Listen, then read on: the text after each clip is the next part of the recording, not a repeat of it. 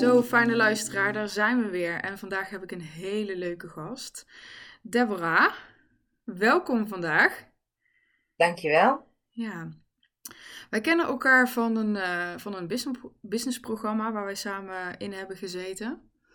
Ja. En uh, zo zijn we aan de, uh, de praat geraakt, de diepgang ingegaan over onze business. En uh, ik heb jou uitgenodigd voor deze podcast. En jij kwam zelf met een onwijs leuk thema. Ja, klopt, ja. Ja, aangezien dat netwerken jouw specialisatie is. En ik kom uit een familie waar heel veel influencers uh, zich begeven. Dacht ik, misschien is het wel leuk om het te hebben over hoe influencers eigenlijk met elkaar netwerken. Voor zover ik daar zicht op heb, hè. Maar het is mijn kijk, mijn visie daarop. Ja. En zelf, uh, ja, heb ik ook zo mijn eigen manier van netwerken. Wat ik altijd denk van, nou, dat is een beetje afwijkend, maar goed. Ja, nou, leuk. kunnen we het ook even over hebben. Ja, hartstikke leuk. Leuk.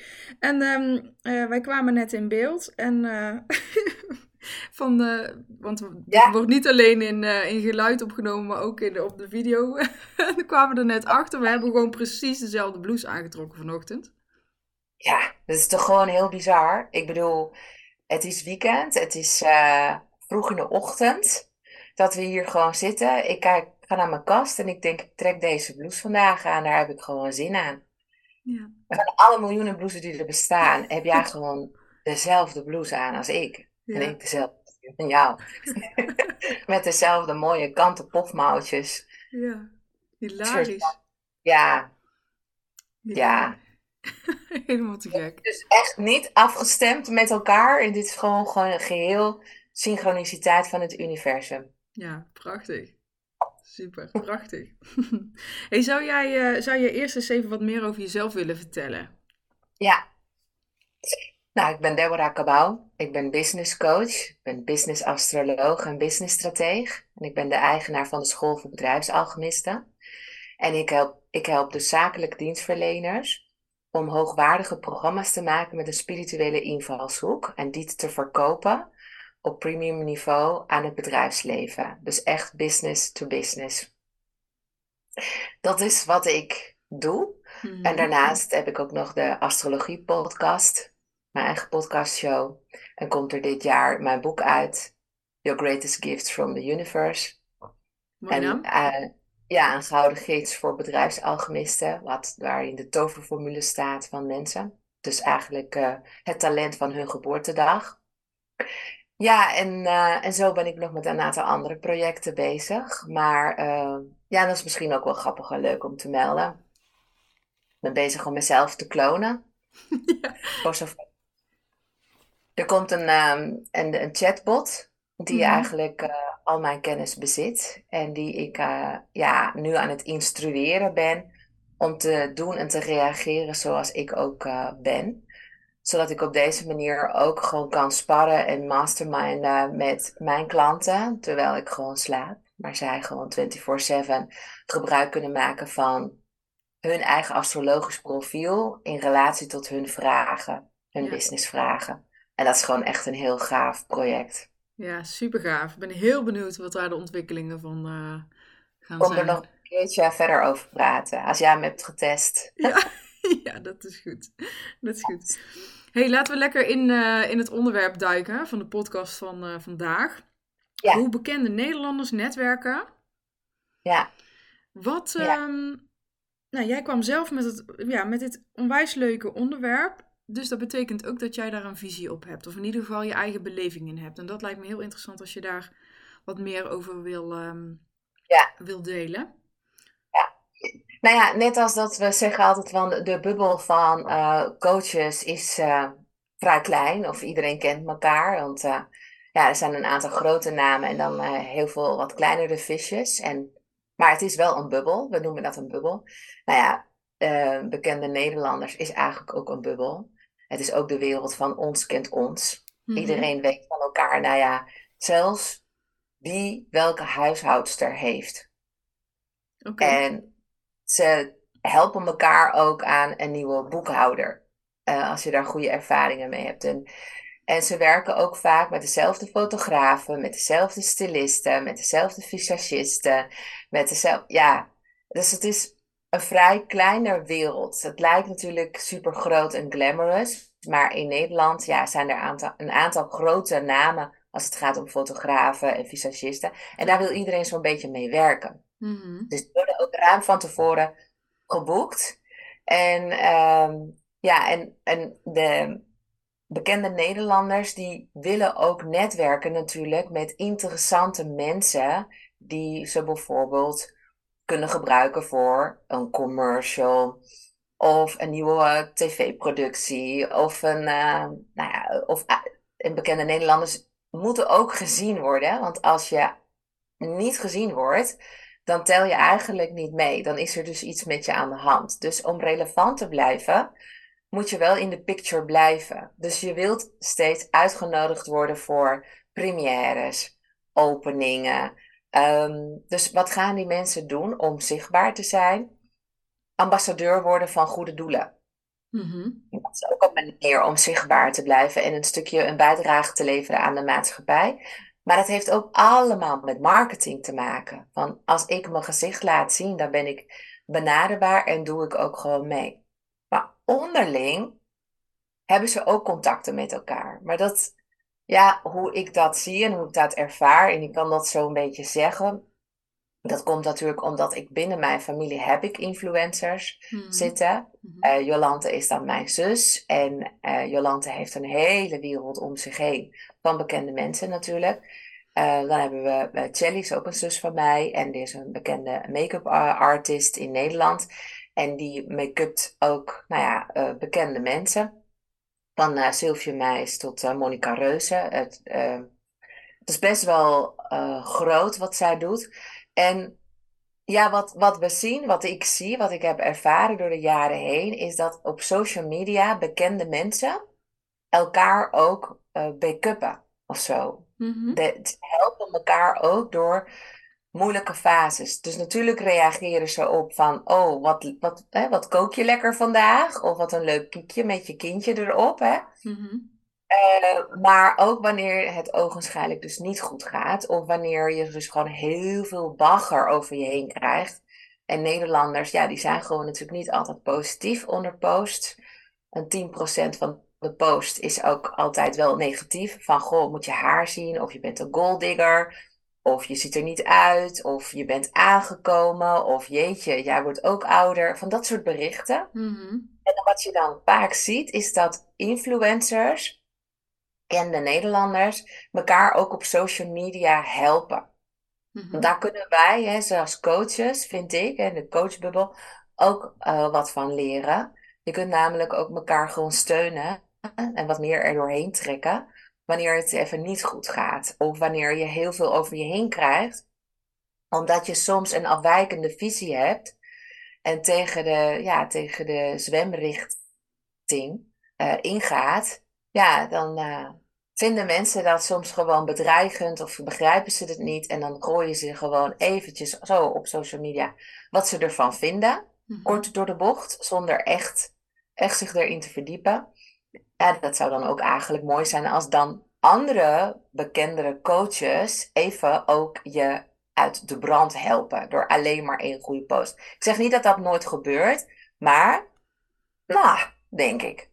Ja. Als ik, zie, hè, als ik zie wat uh, uh, nou ja, Marco Borsato, Leontien Borsato allemaal over zich heen hebben gekregen, dan zie je toch wel, uh, en Glennis Grace en zo, dan zie je toch wel dat van onverwachte hoeken wel bijval komt. En dat is ook iets wat heel fijn is. Nou goed, dat is niet een manier om te netwerken om er iets uit te halen, maar je moet je voorstellen dat een influencer moet het hebben van zijn reputatie. Mm Denk je dat het voor coaches of, of uh, mensen met een in ieder geval met een personal brand, denk je dat dat anders is? Nou, iemand, een coach, zeg maar, met een personal brand, moet het ontleent zijn reputatie natuurlijk aan de inhoud. Dus heb je gewoon een goed programma, heb je goede, haal je, behaal je goede resultaten, ben je geen copycat, ben je authentiek, um, dan ja, dan word je opgehemeld door een aantal fans. Die vinden geweldig werk wat je doet.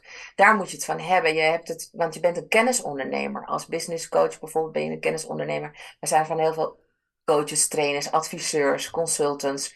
Het zijn allemaal kennisondernemers. En die hoeven het niet te hebben van een mooie blouse en uh, gelakte nagels. En snap je? Dat, nee. Maar veel bekende Nederlanders worden wel juist heel erg afgerekend op hoe ze eruit zien.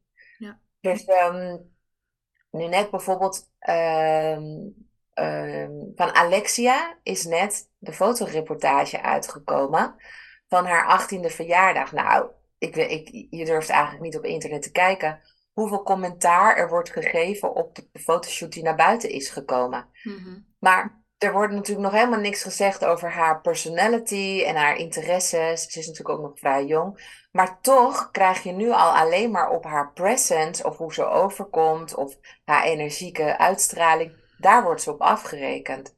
Ja. En zo moet je dat ook zien met heel veel bekende Nederlanders.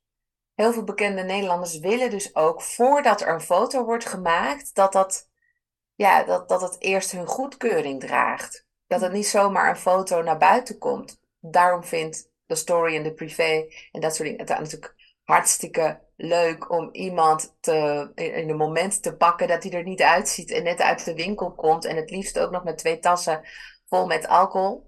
Weet je wel, met ja, flessen. Van het gaat niet zo goed net uit bed, met, ja. met haar. Weet je wel. Ja. Maar die, moeten wel, ja, die worden wel heel vaak gewoon beoordeeld op uh, hoe komen ze over. Dus als Linda de Mol uit een auto stapt en heel zorgelijk naar beneden kijkt en nou ja, haar hele nek vol rimpels zit, dan, dan staat er meteen zo'n titel van het zwaarste jaar uit haar leven. Ja. Terwijl ze waarschijnlijk net uit het fantastische fotoshoot komt voor haar eigen magazine. Ja, ik snap je wat ik bedoel? Het, ja het is soms gewoon niet fair, maar ja, de opinie doet wel heel veel. Ja. ja en dan even, want ik denk, ja, dat, dat netwerken, hè, want dat is natuurlijk wat ze ook intern met elkaar doen. Het is heel slim om zichtbaar te zijn en contacten te hebben met castingbureaus, met regisseurs, met scriptschrijvers, scenario schrijvers. Uh, want die mensen kennen weer toute le monde. En wat ik heb gemerkt is dat, nou, um, Jan de Bouffry, die zit bijvoorbeeld in Aarde, zat in Aarde, zijn is er nog. Ja, het maakt niet uit. Um, als ik word uitgenodigd voor een opening of een, een kunst galerij of zo, wat ze iets hebben of zo in de zomer. Er zijn altijd mensen die mij kennen of iemand van mijn familie kennen. Mhm. Terwijl je denkt, maar ik ken jou helemaal niet. Mhm. hoe is het mogelijk? Ik woon nu in Groningen. Ik kom daar al jaren niet meer, maar toch, weet je wel, er is altijd iemand die weer iemand kent, die weer iemand kent. En de wereld is gewoon heel klein. En dan krijg je dus ook al heel snel van: oh, ik heb ooit eens een productie gedaan met je zus. Of ik heb eens een keer uh, haar opgemaakt. Of ik heb dat gedaan. Of ze is bij ons in de studio geweest. Of... En het gaat ook heel snel. Ze kunnen ook heel snel via.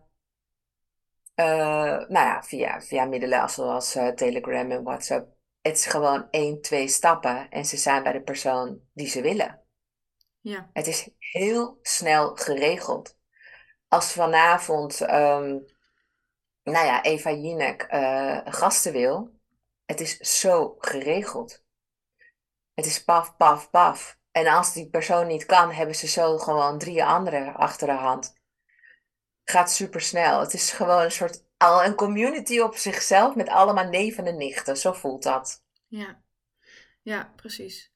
Is het zo, um, nou wat jij zegt is, hè, die coachbubbel, die kennen we allemaal, bekende Nederlanders, dat is ook een bubbel.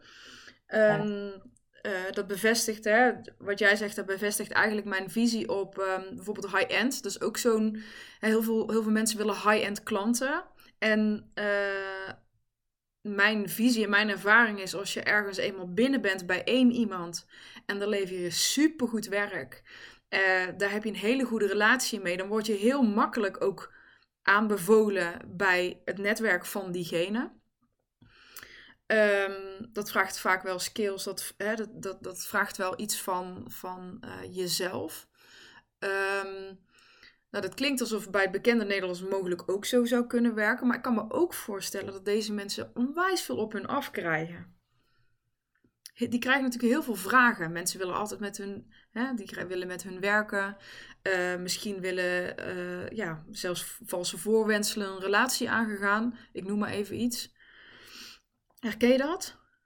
Uh, nou ja, goed, de aantrekkingskracht van uh, als je zichtbaar bent, dan ben je bekend. En als je bekend bent, ben je succesvol. En als je succesvol bent, ga je het overleven. Mm -hmm. Beetje die trap.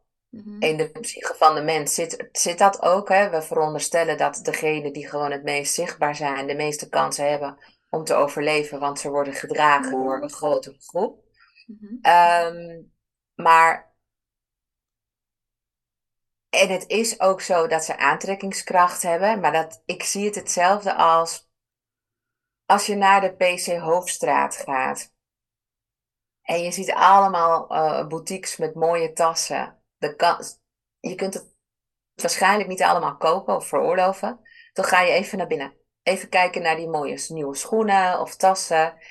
Want mensen willen dat aanraken, willen er dichtbij komen. Die willen geïnspireerd worden. Die willen de droom hebben van oh, maar als ik dat zou hebben, dan zou ik me een stuk beter of gelukkiger of anders voelen. Mhm. het, er straalt iets op mij af. En dat hebben natuurlijk bekende mensen ook wel. Hè? Als jij op de foto mag met een bekende Nederlander, dat is eigenlijk ook wel altijd wel grappig, want ja, Wesley Snijder was dan bijvoorbeeld mijn, uh, mijn zwager, is nog steeds de vader van mijn neef. En daar in die hoedanigheid zie ik hem ook regelmatig. En ik heb dat jarenlang meegemaakt dat, nou, als we met elkaar ergens zijn, dat er gewoon mensen uh, naar ons tafeltje toe komen met, die met hem op de foto willen. Het zijn vaak niet eens de kinderen, maar het zijn de ouders van de kinderen. Die zeggen, je moet er mee op de foto. Ja, ja. En dan komen ze langs en dan willen ze dus niet alleen een handtekening, maar echt die foto. En het is een soort van succes of een, eh, eh, de grootsheid van een persoon. Uh, naast jou zorgt er dan ook voor dat jij je ook iets beter gaat voelen en iets meer te showen hebt of zo. Ja. Kortom, het succes van een ander uh, straalt af op jou. En dat is niet alleen bij bekende mensen zo, maar ja, dat is bij politici hebben daar, dat, daar ook last van. Maar ook een goede en bekende kok. Mhm. Daar wil je ook naast staan. Dus het is, het is vrij breed. Het is, mensen zijn ergens fan van. Maar willen een foto hebben, niet eens voor zichzelf, maar om aan anderen weer te kunnen laten zien: van kijk eens, ik ben in de nabijheid geweest van succesvolle mensen. Mhm. En misschien dat je onbewust dan dus mij ook credits daarvoor geeft. Ja. Bedoel je dat? Want dat is wel. Ja, dat is echt gaande. Dat verwoord je heel mooi. Ik, dat is echt wat ik zie. En hè, nu hebben we het dan in het kader van de bekende, uh, bekende Nederlanders of influencers. Uh, maar ik zie het ook gebeuren als mensen weten dat andere mensen bijvoorbeeld heel rijk zijn. Dus bijvoorbeeld hele succesvolle ondernemers, heel veel geld hebben, heel veel vermogen om wat voor reden dan ook. Dan, die mensen hebben datzelfde effect. Ja. En um, ja, klopt. Nee, dat is waar wat je zegt hoor. Ja, en met netwerken vind ik dat uh, mensen blijven daarin dus niet, uh, uh, ja, niet één, niet dicht bij hunzelf, want zij laten, laten zich dus verleiden door het succes van de ander. En ik, ik heb echt in situaties, ik heb zelfs klanten gehad, hè, als het gaat over die, die, die rijke variant van uh, de ondernemer. Rijke variant. Goeie woorden dit. Um, ik, ik heb echt van heel dichtbij gezien wat dat met iemand kan doen. En dat is best wel schrijnend eigenlijk. Want, mm -hmm. want uh, een, uh, überhaupt het label bekende Nederlander of rijk of wat dan ook, zorgt er heel vaak voor dat mensen daarom willen connecten en helemaal de mensen die daarbij komt kijken helemaal vergeten of overslaan. Of ja. niet, niet zien. Ja, ja. Nou, dat is ook wel zo. Ja, ik kan het wel uit eigen ervaring ook wel. Want daarnet zei je namelijk iets heel interessants. Um, even over dat high-end. Want daar heb ik ook wel een, een, een visie over. Mhm. Eh, even kijken hoe ik, hem ga, hoe ik het ga uitleggen. Mm, nou, kijk, ehm, ik heb een miljardair dus in mijn familie zitten. Maar Marcel Boekhoorn gaat met mijn zus. Een mooi voorbeeld daarvan. Maar het is dus niet zo dat omdat hij miljardair is, hij alleen maar high-end producten en diensten afneemt van, van, van de wereld. Want, ehm, en dat is echt een heel mooi voorbeeld, want dat geldt natuurlijk voor mij ook. Ik vind mezelf ook wel een beetje een soort van high-end klant in de zin, ik gun mezelf wel kwaliteit. Ik wil ook gewoon het beste.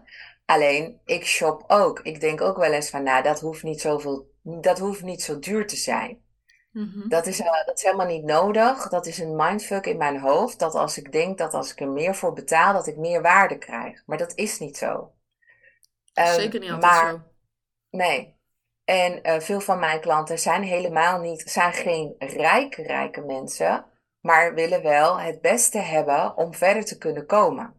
Dus die maken de overweging, dit vind ik de moeite waard om hierin te investeren, want dit gaat me verder helpen, dit gaat me verder brengen.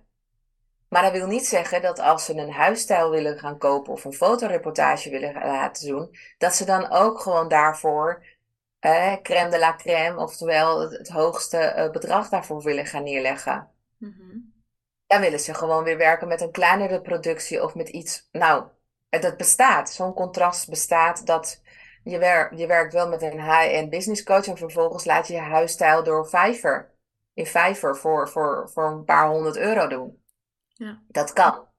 En om even terug te komen op dat van uh, Marcel. Ehm, kijk, veel mensen denken, ja, die man die kan gewoon elke dag vijf sterren eten en, en heeft een privékok en, en dat soort dingen. Maar hij vindt het bijvoorbeeld ook heel leuk om naar de markt te gaan. Althans, dan neemt mijn zus hem mee naar de markt en dan gaan ze daar ook pinda's, nootjes en haring kopen. Mm Snap je? En dan kom je ook thuis met van, oh, lekker en gezellig, weet je wel. Dus dat, en dat is ook met, ja, we kunnen, we kunnen een, een prachtige cruise maken of, of, of wat dan ook. Uh, of naar een première gaan in Gala. Maar ze kunnen ook een stukje gewoon gaan wandelen. Wat ook heel niks kost en heel veel vervulling geeft. Mm Er is, ja, het is, een, het, het is een misverstand. Dus om te denken dat uh, mensen met veel geld altijd de hoogste prijs voor alles zullen gaan betalen. En het is een misverstand dat mensen met een kleiner portemonnee nooit high-end nou ja, uh, diensten of producten zullen gaan kopen. En wat we. Een mooi voorbeeld is ook. Uh, volgens mij is dat van Louis Vuitton. Ja, Louis Vuitton die had vroeger een, nou ja, een, een tas met die, met die monogram erop. Mm En die was voor. Op een gegeven moment was zo'n tas, die was 5000 euro of zo. Die was voor iedereen bereikbaar op een gegeven moment kon iedereen het kopen. Ook mensen, ook meisjes van 18, 19. Als je maar een beetje had gespaard. Maar dan liep dus iedereen met zo'n tas, waardoor de waarde van de tas eigenlijk een beetje aan inflatie toe was. Mm-hmm. Maar ja, wat, dat, dat willen ze natuurlijk niet bij, ehm, bij het huis van uh, waar dit merk onder valt. Volgens mij is het uh, uh, Moeta House of zo. Hmm. Maar goed, daar wilden, ze, daar wilden ze dus dit niet meer. ze willen we nog steeds high-end blijven. En dus een beetje een droom en een onbereikbare droom voor de gemiddelde vrouw. Dus wat hebben ze gedaan? Diezelfde tas, nu keer twee. Snap je? Nu kan niet meer iedereen hem kopen. En nu is hij weer, nu is hij weer begeerlijk. Ja, precies. Uh, maar de tas blijft hetzelfde. Alleen het gevoel van als ik die tas heb, dan ben ik patent. Dan, ben ik, dan hoor ik, dan, dan ben ik. En het, het is echt. Ja, als je het helemaal afbelt, dan kom je zelfs bij ons oerinstinct uit. Dat is mhm. namelijk dat wij, onze soort, die wil het overleven. Mhm. Dus de kans dat wij aantrekkelijke partners zullen krijgen waarin, waarmee wij dan ons kunnen voortplanten, is het grootst als jij aantrekkelijk bent. Mm Daarom willen vrouwen knap zijn, jong blijven. Maar de spullen die ze kopen om zichzelf zeg maar, te, ja, net even wat mooier te maken, is daar een ja, voortvloeisel van. Ja. Het maakt ons mooier, denken we, aantrekkelijker en het vergroot dus helemaal, hè, dus echt helemaal naar het reptiele brein terug. Mhm. Het zorgt er ook voor dat we gewoon door de andere seksen aantrekkelijk worden gevonden en daardoor onze overlevingskansen toenemen. Ja, ja absoluut. Ik eh, ben in mijn hoofd al een brugje aan het maken naar het netwerken. Hè? Naar, um, nou even het bekende Nederlanders, het, uh, maar ook het, het, het, dragen van dezelfde spullen. Hè? Of het, ja. uh, nou, dus helemaal, wij hebben ook nu dezelfde blouse aan. Maar, maar bijvoorbeeld hè, um, de Louis Vuitton tas. Als ja. er ergens verbinden dat soort dingen, keuzes maken Ehm, even denken, waar wil ik naartoe? Keuzes maken bijvoorbeeld voor zo'n Louis Vuitton tas, omdat jij daar op, op voor manier dan ook uh, het geld daarvoor neer wil leggen. Of je nou heel ja. veel, of je nou Louis Vuitton tas hebt en je koopt en je hebt nog 35 miljard op je bank. Of doe Louis Vuitton tas en daardoor moet je een week minder eten. Hè? Op het moment dat je elkaar daar ontmoet, wat ik ervaar is dat je, uh, ja, je, daar zit wel iets. Daar zit, daar zit wel een, een, een, een, iets wat verbindt. Ook al is het zoiets als een tas. Maar dat is net zo aantrekkelijk. En toch heeft het een keerzijde als een bekende Nederlander tegenkomen en denken: hé, hey, daar wil ik mee verbinden, want. Snap je, het, snap je de overeenkomst? Ja, ja, alleen, ja, ja, ik heb daar toch een, een, een, bepaalde visie op. Trouwens, zoals voor Louis Vuitton, kijk, deze, ik, dit is mijn toilettas, heb ik al meer dan 12 jaar. En ik hou van vintage, hoe ouder, hoe beter. Mm. Maar uh, dit, heeft, dit is een jeugdsentiment. Want mijn moeder gebruikte een Louis Vuitton tas in de jaren 80 als luiertas voor mijn broers en zussen. En toen ik 25 was, toen kreeg ik die tas cadeau. Omdat mijn moeder gewoon niet voldoende geld had om een cadeautje voor mij te kopen. Maar zij wist dat ik dat wel een leuke tas vond. Dus heeft ze mij haar Louis Vuitton tas cadeau gegeven. Niet wetende dat het tien jaar later dat ding gewoon als vintage duurder is. Ja, meer oplevert ja. dan een nieuwe. Maar wat ik even wil zeggen is, ik geef totaal niet om brands. Ik, totaal niet ommerken. Maar het, wat belangrijk is om voor mensen, en ik denk dat voor de luisteraar ook wel interessant is om te weten. Er is tot een bepaalde hoogte zijn merken interessant. Daar kun je mee koketteren. Daar kun je mee indruk maken op de mensen waar je indruk mee wil maken. Maar de echte rijkdom, de echte rijkdom, dat zit daarboven. Absoluut. Dat weten veel mensen niet. Maar dat zijn de mensen die helemaal niet een Prada bril dragen of een Gucci tas of een uh, weet ik het veel. Uh, uh, nee, ze dragen kwaliteit waar de naam niet van afspat. Of zelfs een versleten, zoals mijn vader, want mijn vader was ook miljonair. Die had een versleten leren jack altijd aan. En hij kwam dan gewoon als een arme sloeber, gewoon in een twee, drie sterren tent of zo. En die ging altijd op rekening dan kopen. Dan gingen we eten bestellen. Of hij had gewoon zoals, want mijn vader is een Spanjaard, maar dat lijkt dan een beetje op zo'n Italiaan die dan gewoon van die flappen aan de binnenkant van zijn, van zijn jas heeft zitten. En dan telt hij, hè, dan, dan rekent hij gewoon zo even af. Maar niemand die aan de buitenkant dan ja, hem een, een stuiver zou geven. Dat zag er gewoon niet uit. Hij leek gewoon, we noemen dat eh, gitanos, oftewel zigeuners. Gewoon zo'n zigeuner, ja. Hij stond niet en hij zag er gewoon wel bezorgd uit. Maar ze, als je, als je naar zijn kleren keek, dan dacht je echt van nou, weet je wel. Maar dat was bij waar ik, waar ik vandaan kom, uit het dorp waar ik vandaan kom, geldt dat precies hetzelfde.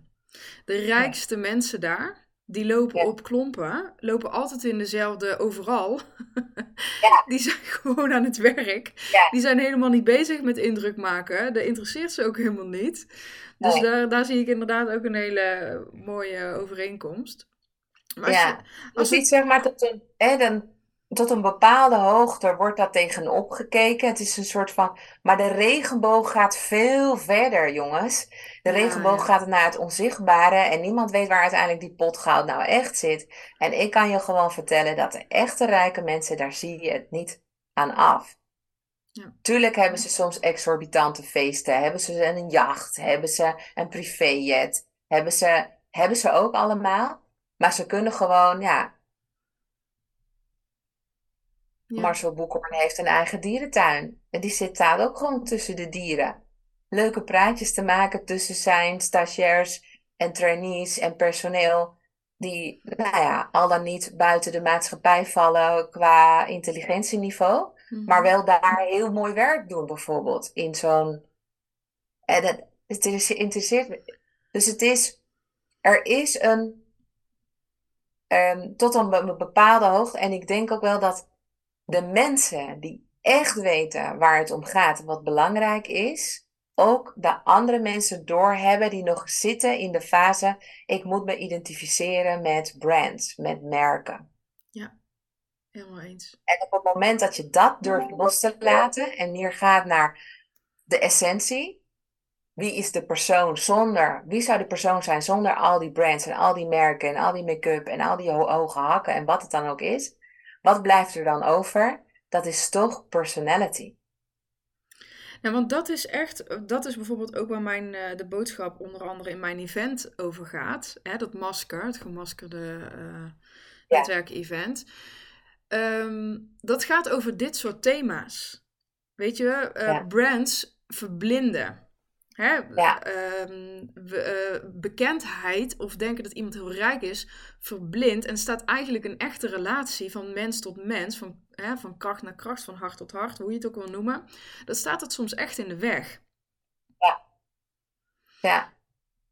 En ik ja, maar ja, je, je kunt er niks aan doen. Het is wel een soort psychologisch uh, dingetje dat mensen zichzelf altijd willen plaatsen van waar sta ik ten opzichte van de ander, ook al zouden we naakt zijn.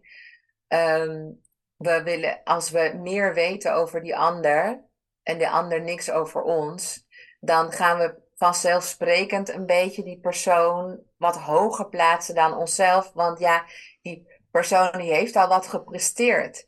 Ja, of uh, heeft een heel lifestyle dan wij, heeft meer van de wereld gezien. En dat maakt indruk, het imponeert links of rechtsom. Veel mensen zeggen, nou, mij maakt het niet uit, want het is, ja, we gaan allemaal naar de, naar, naar, naar, naar de wc. Koning, keizer, admiraal, poepen kunnen we allemaal. Een beetje dat. Ja, je hebt van die nuchtere mensen die er zo naar kijken. Ja, het zegt me helemaal niks dat jij uh, Linda de Mol bent of uh, Beyoncé.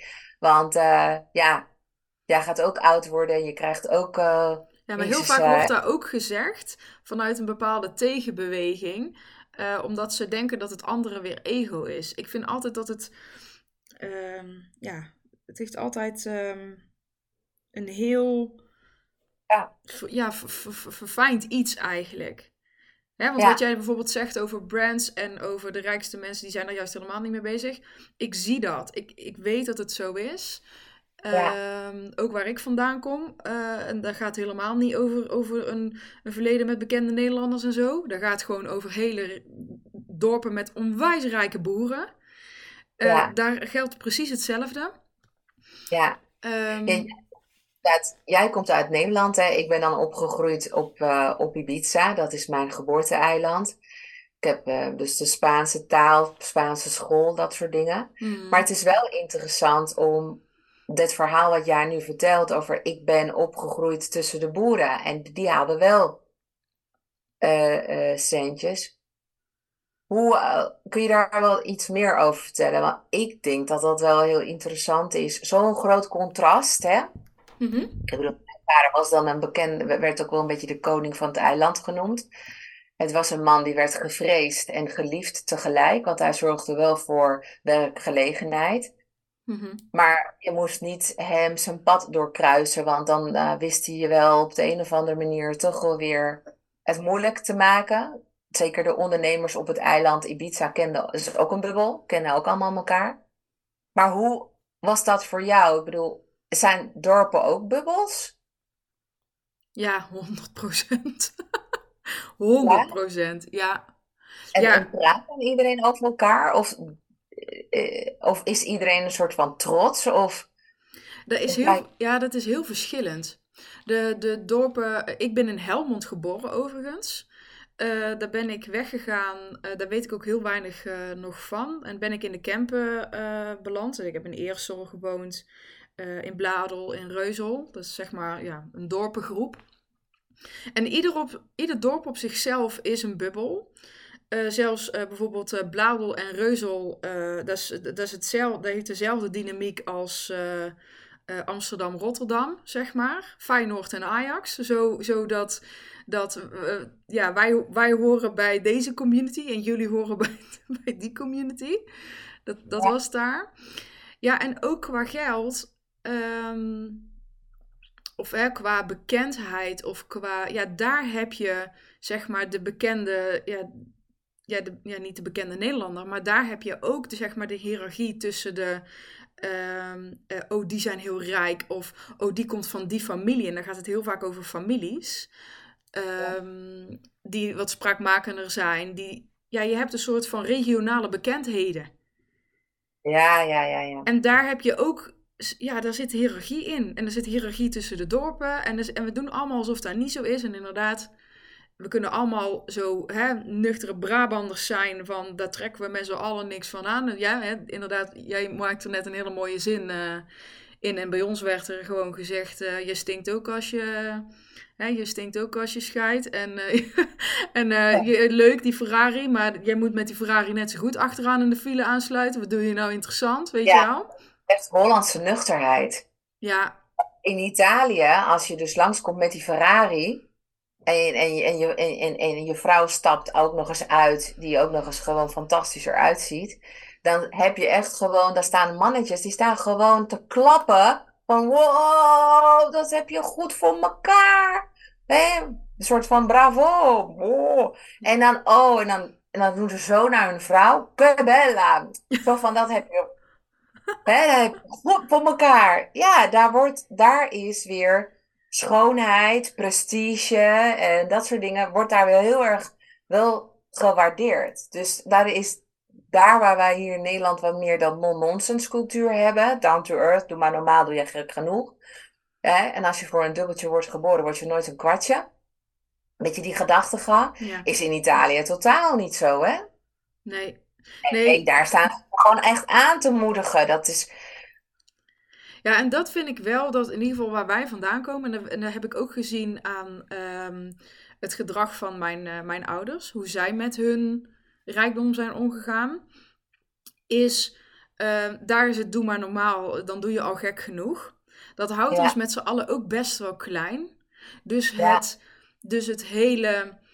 Ehm, eh, het, het, de echte brands dragen en zo. Ik denk oprecht dat er in, in die dorpen mensen zijn die denken: dat doe ik maar niet. Want dan, word ik bijna, dan hoor ik er bijna niet meer bij. Want dan word je een, een stads. Een, een, stadstroela of je wordt weet ik het niet wat. Dus daar wordt wel, zeg maar, gewoon grootsheid als, en als jij jouw grootsheid wil vertalen, of jouw geld wil vertalen naar Louis Vuitton tas, of je wil het vertalen naar wat dan ook, dan werd daar ook niet. Ja, je kon, daar ook, je kan het volgens mij daar ook echt beter onder de radar doen. Want dan moet je dan. Want anders heb je echt wel mensen die zeggen: Nou, je bent echt jezelf niet meer gebleven. Krijg je dat soort dingen, weet je wel? Dat is best wel hard. Dat is best wel een harde wereld. Ja. Um, daar. Ja. Dus ook voor jou was het, is het eigenlijk goed om je te ontworstelen van zo'n wereld en op te gaan in andere bubbels. Ja, dat, dat, uh, sterker nog, dat heb ik heel bewust moeten doen, omdat ik voelde als ik belangrijk blijf maken en het als waarheid blijf zien wat ik daar heb meegekregen, dan kan ik niet zo doen, dan kan ik niet doen wat ik nu doe. Dan, dan daar, daar wordt daar echt gezien als, nou nou, uh, hè? En dus natuurlijk zijn er mensen die dat waarderen, hè? maar over het zeg maar de soort van de, de collectieve gedachtegang daar, daar zit, daar zit niet bij wat ik doe. Zeker niet. En dat heb ik ook echt gezien aan mijn ouders, want mijn ouders die waren dus blijkbaar heel rijk en ik wist het niet.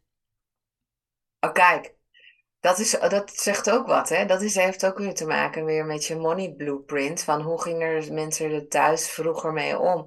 En kennelijk mocht je gewoon je rijkdom. Nee, ze wil... maar dat, zo van, dat hoef je niet aan de buitenwereld te hangen. Nee. Maar ik vind het ook eigenlijk altijd wel een hele interessante vraag, ehm, die ik wel eens stel, gewoon aan mijn kinderen, of familie, of, of vrienden. Mhm. En dat is dat ik zeg, ja, stel je voor dat je wel nu bij, bij de loterij een miljoen bijgeschreven krijgt. Zou je het wel of niet vertellen aan je directe omgeving? En dat is heel interessant, want iedereen gaat er dan opeens over nadenken. Ja, zou ik het doen, zou ik het niet doen? En dan heel veel zeggen, ja, want ik ga delen. En dan zeg ik, oké, en wat ga je dan precies delen? Wat, wat, wat, van dat miljoen hou je zelf en wat geef je dan aan anderen? Ja, dan wordt het dan wat lastiger. En snap je, dus het is heel, soms voor sommige mensen heel moeilijk om dat voor te stellen, maar het is wel een hele goede oefening. Want het zegt ook heel veel over hoe je zelf ten aanzien van geld denkt. Zeker. Ja, ik ga het niet vertellen, want dan verwachten ze van mij dat ik ga delen. En dan is de vraag van, en waarom zou je niet delen? Ja, andersom zouden ze dat ook niet doen. En je krijgt echt hele, ja, ik wil niet dat ze anders tegen me gaan aankijken. Ik wil geen nepvrienden. Ik wil dat mijn leven zoveel mogelijk hetzelfde blijft. Ik zou het niet vertellen. Ik bewaar het voor later. Ik ga het herinvesteren. Er komt van alles komt dan los, maar het zegt wel heel veel ja, over al die conditioneringen en gedachten die je erover hebt. Ja, ja. zeker weten. Zeker weten. Hey, zullen we nog een stapje maken naar, naar het netwerken? Want ja. Ehm, hè, we hebben het allemaal over hele interessante onderwerpen die, die gelden voor uh, ja, bekende Nederlanders. Um, voor mij gaat het ook, ik vertaal het in mijn hoofd altijd meteen naar wat, wat, um, wat zorgt er dan voor als je bekende Nederlander bijvoorbeeld bent? Laten we het daarbij houden. Wat zorgt er met, met al deze wetenschap die we net delen? Hè? Wat zorgt er dan voor dat zij nog wel een nieuwe relatie aan zouden willen gaan en wat niet? Want die mensen die hebben heel veel uh, mensen die iets van hun willen. Om wat voor reden dan ook. Ik kan me ook voorstellen dat je op een gegeven moment ook. Ik heb namelijk een klant gehad, die was niet geen bekende Nederlander, wel miljardair. En die zei op een gegeven moment: Ik heb mezelf helemaal vereenzaamd. Ik weet gewoon niet meer mhm. of mensen naar mij toe komen voor mijn geld. Ja. Of omdat ze een relatie willen met mij. Ja. En dat representeert denk ik wel een beetje wat, wat voor effect dat dat heeft. En wat het, nou voor hem zorgt het voor een gevoel van eenzaamheid. Ja. Ehm, en ook, ehm, hoe noem je dat? Sociaal, uh, zichzelf sociaal geïsoleerd. Nou, als bekende Nederlander is dat misschien moeilijk, want dan zeg jij van, nou, dan wordt er meteen van alles over je geschreven en dat het slecht met je gaat. Maar ik kan me ook voorstellen dat zij best wel verzadigd zijn in hun netwerk. Omdat, er, mhm. om, hè, omdat zij. Um, de kwaliteit wordt steeds belangrijker van relaties hoe meer ervan is, hoe meer mensen van je willen, hoe belangrijker de kwaliteit, kwaliteit integriteit, dat soort dingen allemaal belangrijk uh, worden. Maar wat maakt volgens jou dan. Ehm, ja, wat zou wel een reden zijn om nog nieuwe relaties aan te gaan? Ik denk. Uh, nou, ik denk dat het inderdaad allemaal waar is wat je zegt. Want dat zie ik zelf ook in mijn, uh, nou ja, in mijn, uh, nou, mooi voorbeeld. Uh, mijn zus is dan jarig. Ze kent echt duizenden mensen en duizenden mensen kennen haar. En uh, Le Monde feliciteert haar op social media. Maar ja, als ze dan haar feestje geeft, wie nodig je dan uit? En het zijn altijd dezelfde mensen uiteindelijk zijn het altijd dezelfde mensen die er komen. En dat zijn, dat is haar, dat zijn wij natuurlijk, zijn haar zussen. Maar de vaste vriendengroep die ze al had voordat ze bekend werd. Toen ze nog aan het struggelen was, toen ze het nog moeilijk had, toen ze nog misschien wel bekend was, maar helemaal niet het grote geld binnenkwam. Toen ze, toen ze nog, toen ze steun kon vinden uit pure vriendschappen. Mm Kracht en strijd. Mhm. En wat uiteindelijk blijft en bindt, is vertrouwen. Dus, uh, nou, zij heeft gewoon, en ga dat maar eens na bij jezelf, maar de meeste mensen hebben gewoon aan een handjevol echte vriendschappen genoeg. Want wat is echt een vriendschap? In een wereld waarin jij ook gewoon een gezin aan het optuigen bent, een carrière hebt en noem maar op. En vriendschappen zijn mensen die het jou helemaal niet kwalijk nemen dat je gewoon een maand of twee of drie eh, van de radar bent verdwenen. Maar als je dan weer contact met elkaar hebt, dat het meteen goed is. Mm Meteen goed is, is dat je meteen gewoon to the point kunt komen zonder dat opsmuk van hoe is het? Nou, leuk hoor. Grappig. Nou, enig. Een leuke foto van je kind. Nee, maar meteen van hey, hoe is het eigenlijk afgelopen met die gast? Ja. Welke? Ja, die toen uh, jouw nummer uh, vroeg. Oh nee, die heb ik zo gedist. Dat is echt nee. Nee, die is inmiddels iemand anders.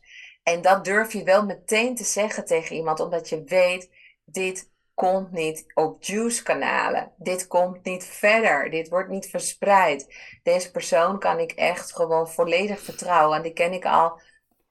Nou ja, en die weet ook, hoge bomen vangen veel wind. En, uh, en, en we kunnen ook vallen. En die mensen die hebben gewoon, nou, zoals mijn zus, die heeft altijd een vriendengroep waar ze op terug kan vallen. En kan chillen op de bank met kussens, een lekker film, popcorn erbij. En jezelf zijn en iedereen is gelijk en iedereen kan grapjes maken over elkaar. Nou is jouw vraag, hoe kan ik weer, kan, kunnen dit soort mensen dan weer nieuwe vriendschappen aangaan? Ja, dat kan. Maar het zit hem in het vertrouwen. Ja, dat dus is sowieso. Kost, ja, dat kost heel nieuwe vriendschappen. Het is of vanuit gelijkwaardigheid. Je kunt een bekende zinger zijn en een, een, een vastgoedmagnaat zijn, weet je wel. Maar je hebt allebei namelijk, er staat wel wat op het spel. Je werkt aan je carrière, je bent ambitieus. Dus je hebt elkaar, je begrijpt elkaars dynamieken waar je je in begeeft. Dat en verbindt je, sowieso, ja.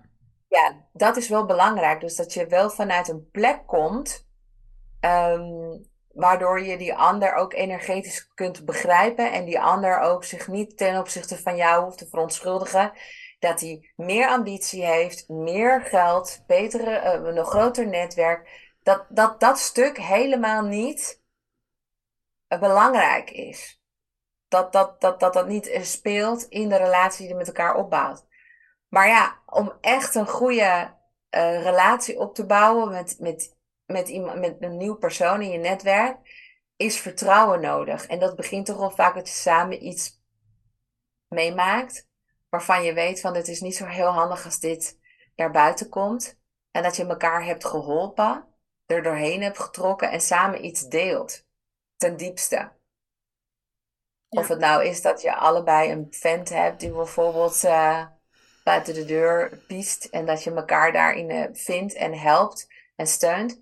Um, of dat je allebei failliet dreigt te gaan. Er is iets, uh, je zit even moeilijk. Ze zeggen niet voor niks dat we het meest verliefd raken als het spannend wordt. Dus als je bijvoorbeeld vast komt te zitten in een lift dat dan er heel veel stofjes vrijkomen en dan is het spannend en dan ga je, uh, heb je een diepere connectie en verbinding met even met die ander. Want je mhm. hebt iets samen meegemaakt. Mhm. En daarom zeggen ze ook van, ja, familierelaties, broer- en zusrelaties kunnen heel hecht zijn. Want je hebt met elkaar ook, voor die leeftijd die je toen had, ook dingen meegemaakt. En dat heeft je aan elkaar verbonden. Dus je deelt zeg maar dezelfde geschiedenishoofdstukken. Mm Met nieuwe, nieuwe mensen, eh, vriendschappen met nieuwe mensen, is lastiger om echt diepgaande nieuwe vriendschappen aan te gaan. Maar een netwerk, een connectie daarmee aangaan, gaat wel vaak op basis van uh, gelijkwaardigheid, vanuit respect. Dus, ja, want gelijkwaardigheid zit in mijn. Ik vind het interessant wat je zegt. Voor mij gaat gelijkwaardigheid bijvoorbeeld dan niet dat ik dan ook een bekende Nederlander zou moeten zijn. Nee, nee, Maar wel elkaar ziet, kunt zien voorbij aan wat jij noemt al die opsmuk. Ja. En daar gaat het gewoon vaak gruwelijk mis. Mensen kennen hun triggers niet. Mensen die hebben helemaal niet door dat ze zich gedragen als een fucking groupie bij iemand. Dat ik Ja. Daar heb ik me altijd zelf altijd over verbaasd. Ja. Maar dat is wel, ja, de toegang tot nieuwe relaties, wat jij zegt, is heel mooi vertrouwen en integriteit. En jij zegt vriendschappen. Nou, ik denk dat precies hetzelfde geldt voor zakelijke relaties. Hè? Ik heb het dan zelf over een toegewijde, toegewijd netwerk. Dat is een bepaalde diepgang in de relatie uh, die je allebei met elkaar aan wil gaan en die heel veel moois kan brengen. En daarvoor geldt hetzelfde. Ja. Je moet echt voorbij kunnen kijken aan, voorbij aan je eigen triggers, voorbij aan, aan uh, dat wat je denkt te weten van de ander zodra je hem ziet. En hoe faciliteer jij dat? Hoe faciliteer ik dat? In mijn programma's. Ja, ja, het begint natuurlijk ook al bij de selectie van een bepaalde personality. Dat je, denk ik, niet alleen maar wil komen halen, maar dat je heel goed het principe begrijpt van brengen. Ja. Zo? Ja, zeker. Ja, ik, uh, ik faciliteer daarin uh, in mijn programma. Om daar, ik ga daar conversaties aan over dit soort onderwerpen met, met mijn klanten. ja, die, die gesprekken worden nergens anders gevoerd. En dat maakt je dus bewust en dat maakt ook dat je anders gaat kijken, überhaupt een andere bril opzet. Daarom vind ik jouw onderwerp, de, jouw voorstel van jouw onderwerp zo interessant. Mensen hebben al een bepaalde bril op als je kijkt, dit is wat ik van een bekende Nederlander vind, of dit is wat oeh, bekende Nederlanders, uh, hè, over die trap wat je zegt, uh, ik ben minder dan een, uh, een, een, een bekende Nederlander, want die is bekender en rijker en weet ik het allemaal niet wat. Je hebt een bepaalde bril op. Dat hoort, daar, daarmee gaat een bepaalde hiërarchie spelen. Dan gaan jouw triggers spelen. Je overlevingsmechanisme gaat misschien loeien. Dan ga je je gedrag op aanpassen. Dus nog zo'n heel vaak even niet eens door. Nee. Alleen dat soort dingen, dat staat echte toegewijde relaties gewoon gruwelijk in de weg. Je houdt jezelf voor de gek, je houdt andere mensen voor de gek. Ja. En ik ben echt een hele erg groot voorstander om daar gewoon uh, om ja, daarmee te stoppen en er anders in te gaan staan met z'n allen. Ja. Dat is wat je doet met Devoted Network. Million Dollar Networker, ja. Ja, ja. Million Dollar Networker. Ja. Mooi. Zeker. Super. Hey, um, heb jij nog iets uh, ter afronding, nog iets wat je wilt delen? Ja, nou ja, ik dacht, uh, dit is echt een podcast over netwerken. En dan ga je natuurlijk zelf ook even nadenken van, hoe doe ik dat eigenlijk? En toen dacht ik, ja, ik, ik geef deze advies wel altijd door aan mijn klanten. Mm -hmm. en toen dacht ik, ja, want hij werkt gewoon echt heel goed. Hij werkt gewoon heel goed. En toen dacht ik, nou ja, die kan ik ook wel geven aan jouw luisteraars. Mm als je dat wil, dan deel ik die. Hm, ja, kom. Ja. Ik ben natuurlijk een business astrologe, dus ik heb iets met data. Dus geboortedagen vind ik bijvoorbeeld heel interessant. Mhm. Maar als ik dus, ik hou niet heel erg veel van uh, grote groepen, grote massa's en veel. Want ik ben dan degene die altijd al heel lang met één persoon, één op één, ergens sta. En ik heb heel veel last van dat, van de ruis en gehoorigheid. En er gebeurt te veel dan in zo'n, in zo'n op, op een evenement, hmm. bijvoorbeeld. Maar ik kan wel helemaal gewoon ingezogen uh, zijn in iemands verhaal. wat ik altijd zeg, wat ik, wat ik doe, laat ik het zo zeggen, het begon met dat ik het deed en toen merkte ik dat het bij mij heel erg uh, fijn werkt, is dat ik hooguit een paar mensen spreek, nou zeg drie, Terwijl ik er eh, twintig had kunnen spreken, maar ik spreek er drie. En van alle drie heb ik informatie gekregen. Bijvoorbeeld uh, dat ze twee kinderen hebben, want ze hebben er net eentje weggebracht. Dat hun man in het ziekenhuis ligt. Um, zij van 6 september zijn geboren, want ja, ik ben astroloog. En dan zeggen ze, oh, wat kun je vertellen over mij? En, dus je hebt altijd wel leuke gesprekjes. wat ik vaak doe, is als ik dan of op mijn hotelkamer ben, of ik kom thuis of wat dan ook, dan schrijf ik het even op in mijn notitieboek.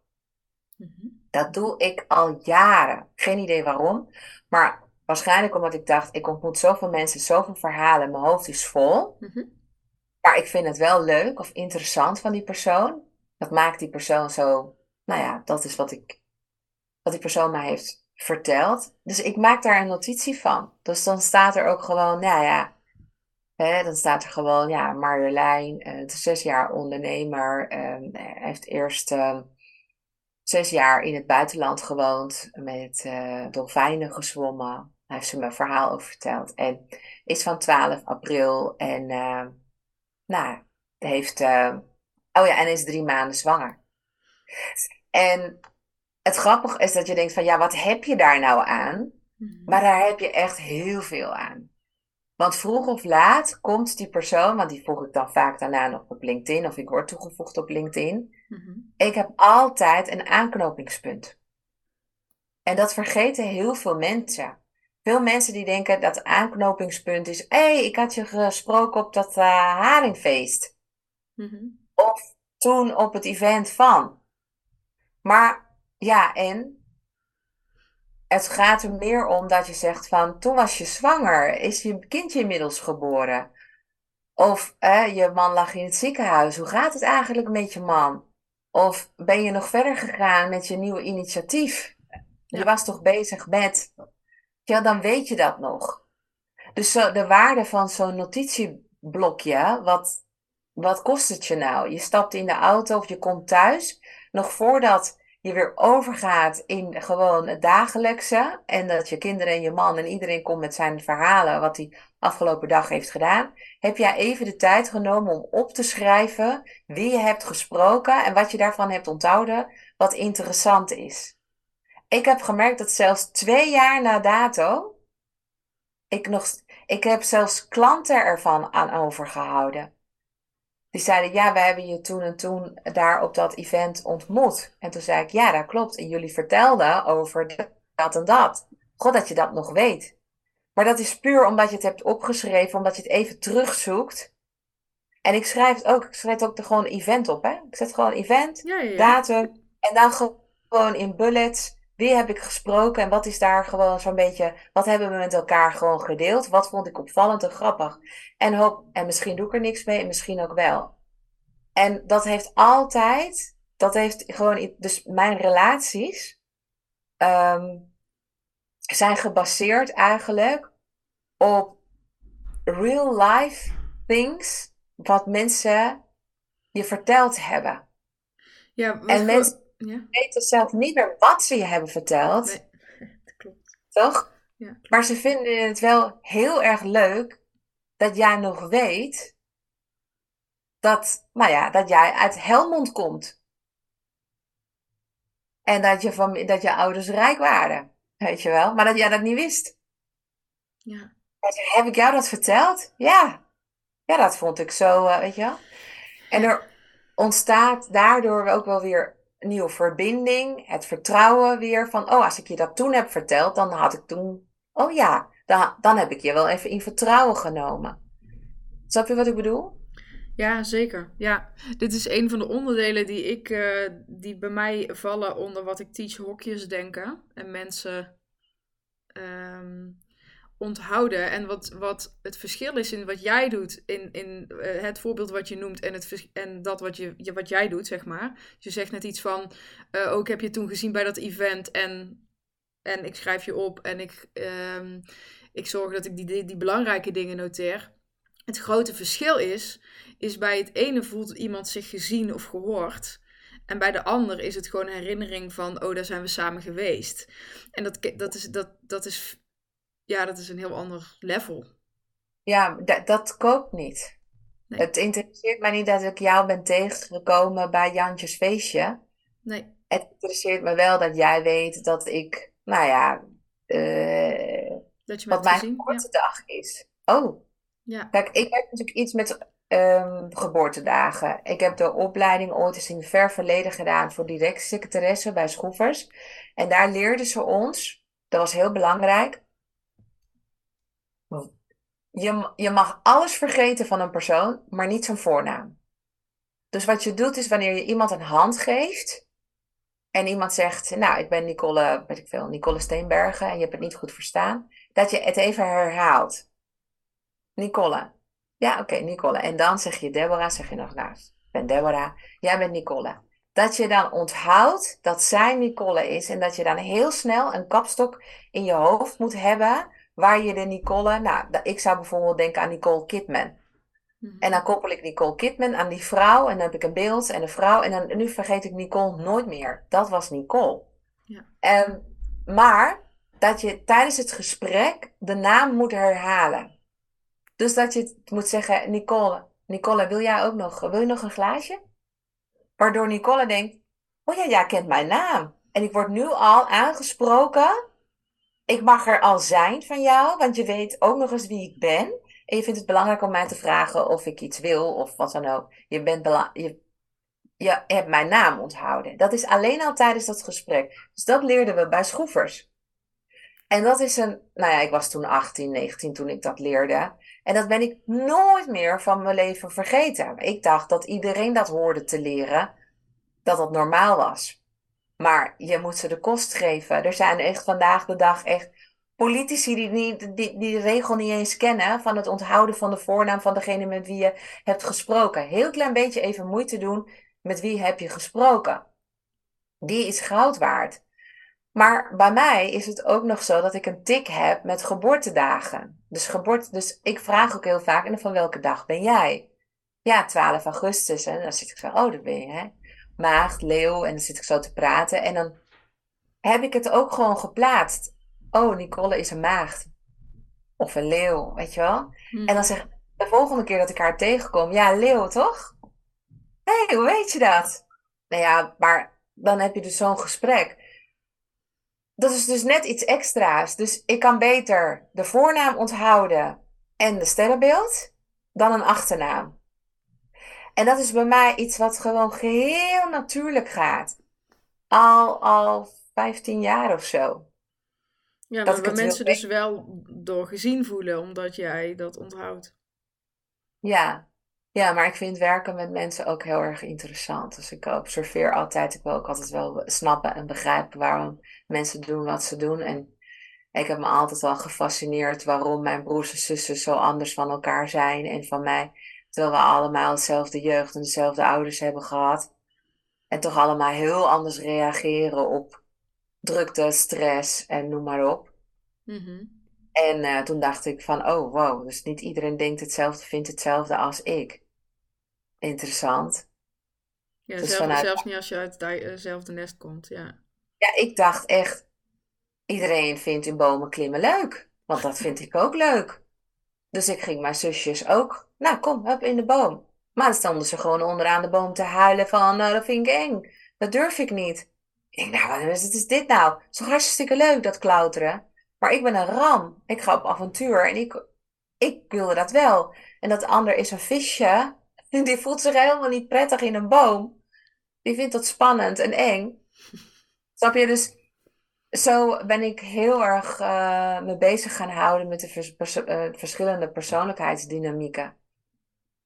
Ja, dus uh, ja, ik dacht, nou ja, dat voeg ik dan nog even toe van, ja, probeer iets meer te onthouden van degene waar je mee hebt gesproken.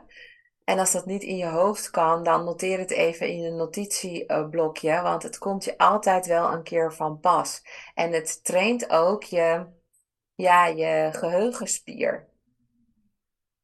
Zeker, zeker. Mooi. Mooie afsluiter. Mag ik jou heel erg bedanken voor dit uh, onwijs leuke gesprek. Ja, leuk. Dankjewel en bedankt voor de uitnodiging.